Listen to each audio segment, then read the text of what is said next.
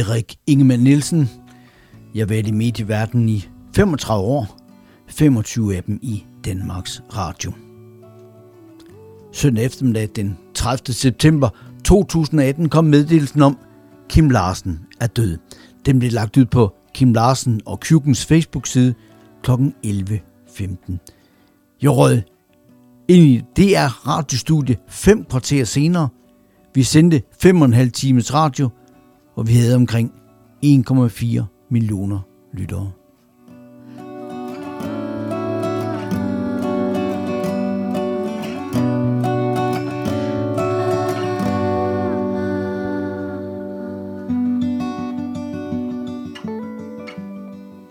I juni 2018 var jeg flyttet til Middelfart med min hustru, og vi sad søndag formiddag i vores køkken og spiste brunch sammen med hendes datter Louise, da min telefon ringede. Jeg var tæt på ikke at tage den. Jeg lader den lige ringe, så kan jeg kigge på det senere, sagde jeg ved bordet. Ej, tag den da bare, sagde min hustru. Og det gjorde jeg så, og det var heldigt, for der var tale om en hestesag. Det var min chef på DR Fyn på det tidspunkt, Peter Meisner, som også havde en koordinerende rolle for hele DR's P4. Kim Larsen er død, lød beskeden kort. Okay, sagde jeg. Vi skal lave ekstra udsendelse. En mindeudsendelse. Jesper Lind har sagt ja til at lave programmet. Vil du være med? Ja, selvfølgelig vil det. Hvornår skal vi lave det? I to værter går direkte på på P4 her klokken 12.30. Jeg kiggede op på køkkenuret. Klokken var 11.50. Okay, jamen øh, så tager jeg tøj på og kører. Jeg er med. Min hustru kiggede spørgende på mig. Kim Larsen er død, sagde jeg. Vi skal lave radio på det, og programmet begynder om 40 minutter. Er det okay at køre med det samme?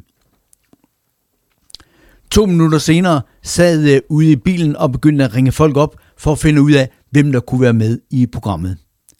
Der er 35 minutter i bil mellem min bopæl og mit arbejde. Jeg var på DR Fyn i Odense SØ 5 minutter, før vi skulle tage senderen og sige velkommen. Sangeren og musikeren Kim Larsen er død. Derfor sender vi de kommende timer en midtenudsendelse. Og vi sendte i fem og en halv time. Vores normale nyhedsredaktør på DR Fyn, Christian Østerby, var kaldt ind for at sidde i redaktionslokalet og ringe rundt til folk, sætte ting i gang, koordinere det, vi lavede. Og helt tilfældigt, som jeg forstår det, dukkede en af vores journalistpraktikanter op, og han fik en ekstra arbejdsdag ud af det. Vi åbnede vores mail, vi åbnede vores sms og vores Facebook for lytterne, så de kunne skrive ind. Følelser, oplevelser, tanker. Og på den måde kunne lytterne dele deres Kim Larsen-oplevelser med hinanden. Det strømmede ind med beskeder fra første minut. Vi fik hundredvis af henvendelser, og lyttertallet satte rekord med 1,2 millioner lyttere. Kun MES og Monopolet kunne opnå den slags lyttertal på det tidspunkt. Mange lyttere havde bevægende historier. Nogle gange stod jeg og pev. Det var der heldigvis ikke nogen, der kunne se. Det var jo radio. Og vi læste nogle af dem op, de her beskeder. I andre tilfælde ringede vi de pågældende mennesker op under et stykke musik og spurgte, om ikke de havde lyst til at medvirke i radioen direkte og fortælle deres historie. Og det havde heldigvis langt de fleste. Mens musikken spillede med Kim Larsen nummer og Gasolin nummer, forsøgte vi også at få fat i musikere, sanger og radioværter, der havde kendt Kim Larsen. Og en af dem, vi fik fat i, var Jørgen Demilius, radiovært gennem mange år. Og han sagde med det samme, at han var i chok. Han var på vej hjem i bil, da han hørte den her besked. Jeg var slet ikke forberedt på, at det var så galt med Kim Larsen. Han havde lige givet koncerter, sagde Jørgen Demilius, og det havde Kim Larsen faktisk, jeg tror, en måned tidligere. Og Jørgen Demille sagde videre, Kim Larsen er det nærmeste, man kan komme landesorg. Kan man finde andre musikere, der berører så meget på tværs af generationer? Børn, folk på 80 år, kan han sange. Det er, som Jørgen Demilles udtrykte det, unbelievable. Og Jørgen Demilles fortalte nogle historier. Han mindes hyggelige interviews, han havde lavet med Kim Larsen i 1970'erne. Også dengang han skulle lave Midt om natten. Og Jørgen Demilles fortalte, at jeg ville så gerne have, at han skulle synge papirsklip i mit tv-program Eldorado. Den havde han ikke tænkt sig at synge. Men han ankom der til studiet, og det var de dage, hvor, ja, der var røg og damp, når man lavede fjernsyn. Min producer havde arrangeret laserlys og røgmaskiner, fortæller Jørgen Demilius. Og det var Kim Larsen ikke meget for. Men lige i den der situation, der bøjede han sig, som man sagde, åh for fanden, så prøver vi. Han gav sig altså. Og Jørgen Demilius fortæller videre, at Kim Larsen var vild med popquiz. Han elskede Brenda Lee og The Shadows. Og når Jørgen Demilius og Kim Larsen mødtes backstage, så ville Kim Larsen quizze. Og Jørgen Demilius fortæller, at de gjorde det blandt andet en gang nede i Spanien. Jeg husker også fra tiden i Spanien, siger Jørgen Demilius, at jeg spillede et remix. Et remix af den sang, der hedder Jailhouse Rock. En klassiker. Og der kom Kim Larsen op til mig og sagde, Jørgen for fanden, det må du ikke gøre. Det er originalen, du skal spille, ikke sådan et remix. Jørgen Demilius fortalte også i udsendelsen, at hans favorit Kim Larsen sang er Papirsklip, som man sagde, det er en kongesang. I fem og en halv time væltede det ind med historien om Kim Larsen. Connie fra Sjælland ringe ind. Hvad skal vi kalde en, en moden kvinde? Connies mor og far forpagtede i sin tid Slagelsehallen.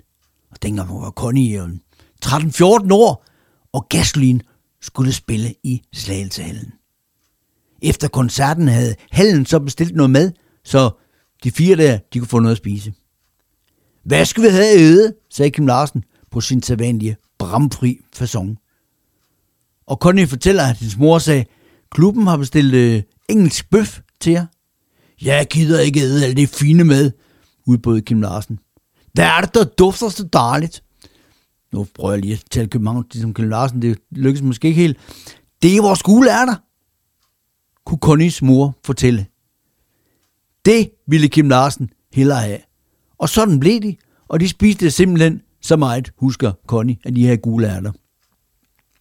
Og Connie fortæller også, min far var jo en ældre herre. Men Kim Larsen forstod at charmere sig ind på ham ved at fortælle, at han skulle hjem til sin kone, altså hende han kaldte kranen, og sove. Han brød sig ikke om at sove på hotel. Han ville hellere hjem. Og det kunne min far ikke stå for, fortæller Connie.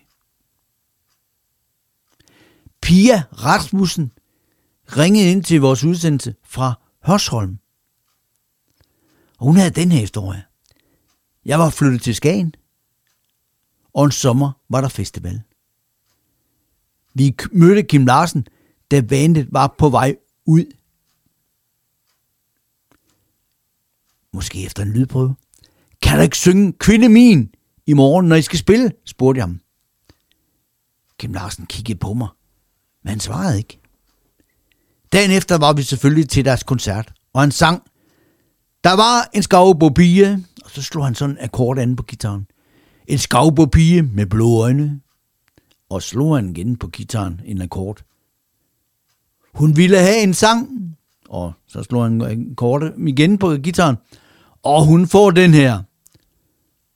Kvinde min, og så endte han simpelthen koncerten med den der kvinde min, og jeg var selvfølgelig helt vildt.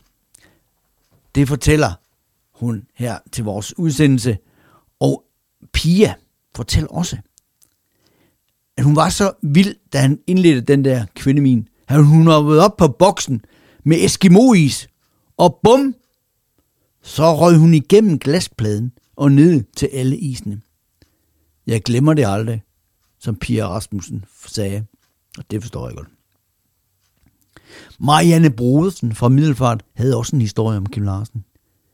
Hun fortalte, midt i 1990'erne skulle han i Kataminde på et sådan en mindre værtshus lancere en stribe nye sange med et nyt band. Vi står derinde, siger Marianne, og vi, vi kender ikke nogen af sangene, og så bliver jeg lidt utålmodig, siger hun. Kvinde min, gasolin, kvinde min, gasolin, råbte jeg, fortæller Marianne mange gange. Pludselig stoppede Kim Larsen sit band midt i en sang ved at række armen op. Musikken stoppede, og Kim Larsen stiger ned på mig, fortæller Marianne. Så holder du kraftedet med kæft, sagde han, og pegede ned på mig. og øh, det har nok, hun har nok fået et chok, der piger. Så jeg tænker, hun har tidet, eller undskyld Marianne, hun har nok tidet stille resten af aftenen. Marianne fortæller, jeg var også i den fynske landsby den 17. august i år. Jeg postede bagefter på Facebook, vi ses igen næste år, Kim. Og det gør vi så ikke. Og jeg står med tårer i øjnene, fortæller Marianne i radioudsendelsen. Mine døtre på 12 og 15 synes, at det er flot. En anden, vi ringede op i løbet af de næsten 6 timer denne søndag, var entertaineren Jakob Havgård. Og han sagde, jeg satte mig ned, og jeg tudede, da jeg hørte nyheden. Jeg kendte Kim rigtig godt. Jeg spillede, da jeg var meget tørstig, en del i København. Og her skal vi jo huske, at øh, Jakob Havgaard har fortalt, at han i en var alkoholiker. Og han fortæller, at jeg blev inviteret til at optræde på Gorilla Gala. Og vi spillede så, min gruppe og jeg, min sang, der hedder Hawaii. Og den kender nok det. Jeg der sidder og hører den her podcast. Jeg bor til leje på Hawaii, og så videre. Men det var jo sådan, at ingen ville høre Havgård. De ville jo høre Kim Larsen og de andre. Det var dem, de jo kommet for. Og så Jakob Havgård fortæller, det var oppe bakke for vi andre. Men den sidste aften, de skal optræde på den her gorillagalle, så siger Kim Larsen, den der sang, Hawaii, som du spiller, må jeg indspille den? Og man må indspille den. Ja, det gav jeg ham selvfølgelig lov til. Og så vil Kim Larsen lige, altså han jo sende nogle penge af Jakob Havgårds vej. Og Jakob Havgård fortalte dem i udsendelsen, han skyldte så mange penge væk efter et vildt, vildt liv. Men det ændrede sig efter den aften der. Pludselig kom der checks fra Koda, der ryddede al min gæld. Det er det vigtigste, der er sket i mit liv, at Kim Larsen har indspillet Hawaii. Jeg spiller stadigvæk sangen, når jeg er men Hawaii, den er bedst med Kim Larsen, siger Jacob Havgård. Og Jakob Havgård fortalte os, at lige siden han var en lille knægt, en dreng, så er han fabel om, at han ville være berømt engang. Og så fortæller han, at en dag sidder han i et tog. Det vælter ind med soldater, og de har øl med, mange øl. Oppe ved Horsens er de godt lagt til.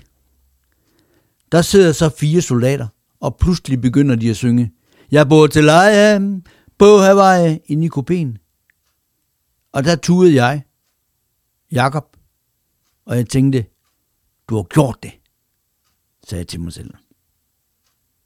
Det var jo Jakob Havgård. God historie, synes jeg. Michael Falk havde en helt særlig historie om Kim Larsen. For det første kaldte ham, han ham dansk musiks første mand, vores fyrtårn, dansk musiks stavning, landsfaderen, der er tomt på øverste hylde i dag, sagde Mikkel Falk. Man hørte den menige mands stemme, når man hørte Kim Larsen synge, sagde Mikkel Falk. Og Michael Falk sagde, fortalte også, at som ung var han besat af Kim Larsen. Og så en aften var han inde og se ham i Tønderhallen. Michael Falk er jo nede for den kant der, kom fra Tønder. Og gasolin spillede. Kim Larsen kom gående forbi mig. Mig og min kæreste, i øvrigt. Og så nasser han en cigaret hos min kæreste. Og bagefter kysser han hende Og der fortæller Michael Falk, at jeg blev selvfølgelig pisse fornærmet. Og jeg kunne ikke komme i kontakt med hende resten af aftenen, fordi hun snakkede ikke om andet end Kim Larsen. Michael Falk og Kim Larsen fortalte Falk her i vores ekstra miniudsendelse her om Kim Larsen, var på mellemnavn med hinanden. Altså hverken Kim eller Larsen, eller Michael og Falk. Det kaldte de ikke hinanden. De var på mellemnavn med hinanden, når de mødte hinanden ude på koncertstederne. Flyvholm, Michael, hedder Elert. Altså Kim hedder Flyvholm, og Michael hedder Elert. Og det kaldte de konsekvent hinanden. Når de spillede samme sted, talte de om litteratur. Jeg husker en aften, fortæller Michael Felk, hvor vi mødtes, mødtes på øh, Valdemar Slot på Torsinge. Og Flyvholm råber hen over pladsen.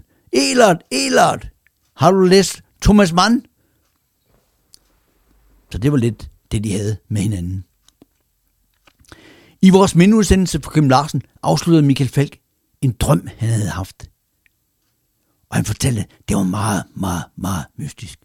Jeg drømte, at Larsen havde skrevet en tekst, og så vågnede jeg op. Jeg stod op, og så indspillede den midt om natten på min iPhone, og så sov jeg videre. Dagen efter hørte jeg sangen, og så tænkte jeg, må, må jeg har hugget den her sang fra Kim Larsen? Det lyder som en Kim Larsen-sang. Så jeg sendte den, den indspillede melodi, til Kim Larsen. Og så ringede han op og sagde, nej, det er ikke min sang men den er god. Og teksten lyder, den der elsker livet er fuld af kærlighed, og ingen sur shows kan skyde håbet ned. Og dommedags profeter er bare bump for vejen, for når du elsker livet, elsker livet dig. Og min makker Jesper Lind og jeg, vi var ikke langsomme i opfattelsen, så vi opfordrede Michael Falk her midt i udsendelsen til at indspille den der sang. Og det gjorde han faktisk senere.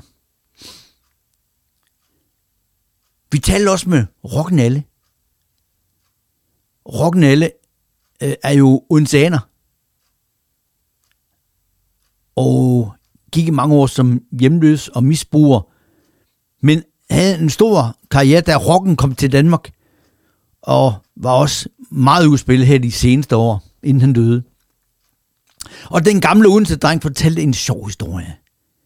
Han havde en aften været ude at spille i samme by som Kim Larsen, Holstebro. Pludselig kom Kim Larsen ind på det diskotek i Holstebro, hvor Nalle havde optrådt. Og de to musikere, de falder i snak. Pludselig kigger Kim Larsen ned af rocknalle og siger han, de er fede, de der hvide sko, du har på. Dem vil jeg have. Og ja, Rocknelle havde jo så ikke lige i sinde bare at give slip på sine sko, for der han, han er jo ikke nogen andre med. Skulle han gå i bare fødder? Eller strømpesokker? Men Kim Larsen insisterede. Han ville have de der hvide sko, Rocknelle havde på. Og det endte med, at Rocknalle forhandlede sig frem til, at Kim Larsen skulle skrive en sang, som Rocknalle derefter kunne indspille? Eller rettere, var det vist sådan, at Rocknalle ville have en sang per sko? Altså, der var jo to hvide sko, så han skulle have to sange af Kim Larsen. Der gik flere uger. Og ja, Nalle havde måske glemt noget, men han tænkte i hvert fald, siger han, at det nok aldrig blev til noget med den der sang. Pludselig fik han en besked om, at han kunne komme op på Kim Larsens bookingbyrå. Der lå et kassettebånd til ham. På båndet var to sange. Den ene er Amanda. Den blev et kæmpe hit for Rocknalle. Og den anden sang er Bare mig, tror jeg den hedder. På en seddel har Kim Larsen skrevet, brug dem som du vil. Og det gav Rocknelle en hel masse indtægter, de to sange dem. Vi, Jesper Lind, jeg og Christian Østerby, som var med på produktionen, producerede dagen efter en podcast på en times tid med højdepunkter, så dem, der ikke har lyttet med om søndagen i de fem og en halv time, kunne få nogle af de mange gode historier om Kim Larsen.